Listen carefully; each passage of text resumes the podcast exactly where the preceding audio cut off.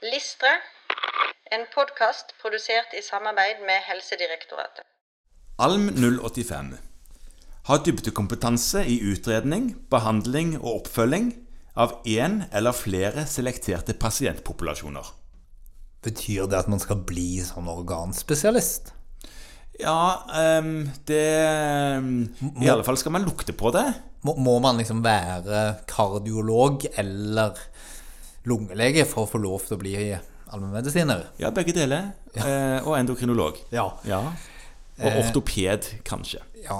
Og vi er jo litt av alt, og dette læringsmålet sier noen ting om at man skal ha litt dypere kompetanse i noe. Ja. Og det er jo litt underlig, kanskje, når vi Du og meg er jo ganske glad i å å feire hvor flinke vi er i det generelle. Ja, absolutt. Vi, vi faner det høyt. Ja. Dette læringsmålet tenker jeg er viktig fordi at det sier noen ting om at man skal For det første så er det nok bra for vår generelle kompetanse at man har satt seg skikkelig inn i noe. Ja. Ja.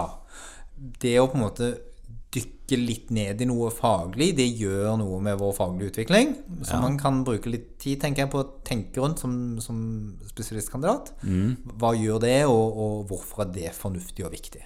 ja. Hvorfor er det fornuftig å kunne veldig mye om et ganske avgrensa fagfelt? Ja, det kan være nyttig i en gruppepraksis. Ja, Eh, På hvilken måte da? Der kan man hjelpe hverandre.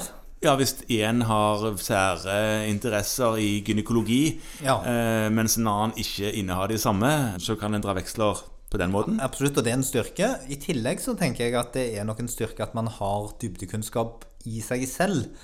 Fordi at det at man har lært seg noe godt, Ja. gjør at man får en trening i å tilegne seg kunnskap også om andre ting.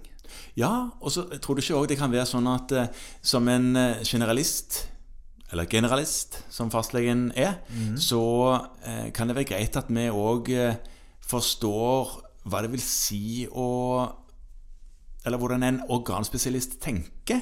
Ja, At det kan være litt nyttig. kjempenyttig. Mm. Eh, fordi at man skal jo drive mye samhandling om om disse pasientene våre. Mm. Og, og det å samarbeide, da er det veldig nyttig å vite hvordan eh, den man skal samarbeide med, tenker, hvilke forutsetninger de har, og så videre. Mhm. Ja, ja. Og det, det bringer oss litt inn på læringsarenaen her, for det er den der sideutdannelsen, den kliniske tjenesten i et annet eh, medisinsk fagfelt Ja. der man skal ha veiledet tjeneste i en godkjent utdanningsinstitusjon ja. Mm. i seks måneder. Og nå kan det også gjøres på et sykehjem, hvis det er organisert på en eh, forsvarlig måte. Mm. Ja, Eh, altså ikke sykehjemmet, men utdanningen der. ja visst. Og, og da blir det på en måte geriatrien som blir faget. Ja. Men det vanlige er at denne tjenesten gjøres på et sykehus. Ja, og da er det kjempeviktig. Det ene er at det du lærer selv, men det som du er inne på, det tror jeg er utrolig viktig at man, man bruker tid på å tenke rundt, og det er at man blir kjent med de andre spesialitetenes muligheter, Ja. og ikke minst begrensninger. Altså at man vet hva de ulike faggruppene kan og ikke kan gjøre, Ja. og får litt grann innblikk i hvordan de tenker. Ja, for det er jo sånn, og det har jo vi snakket om mange ganger i andre sammenhenger, Christian, at eh, vi som fastleger vi bruker mye tid på å forstå pasientene og hvor de er hen. For å gjøre kommunikasjonen og samarbeidet bedre. Men den forståelsen av den andres posisjon gjelder jo ikke bare i pasientrelasjonen, den går òg i alle andre sammenhenger. Så du tenker at vi må forstå hvor organspesialistene er hen også? Ja, og de må forstå oss.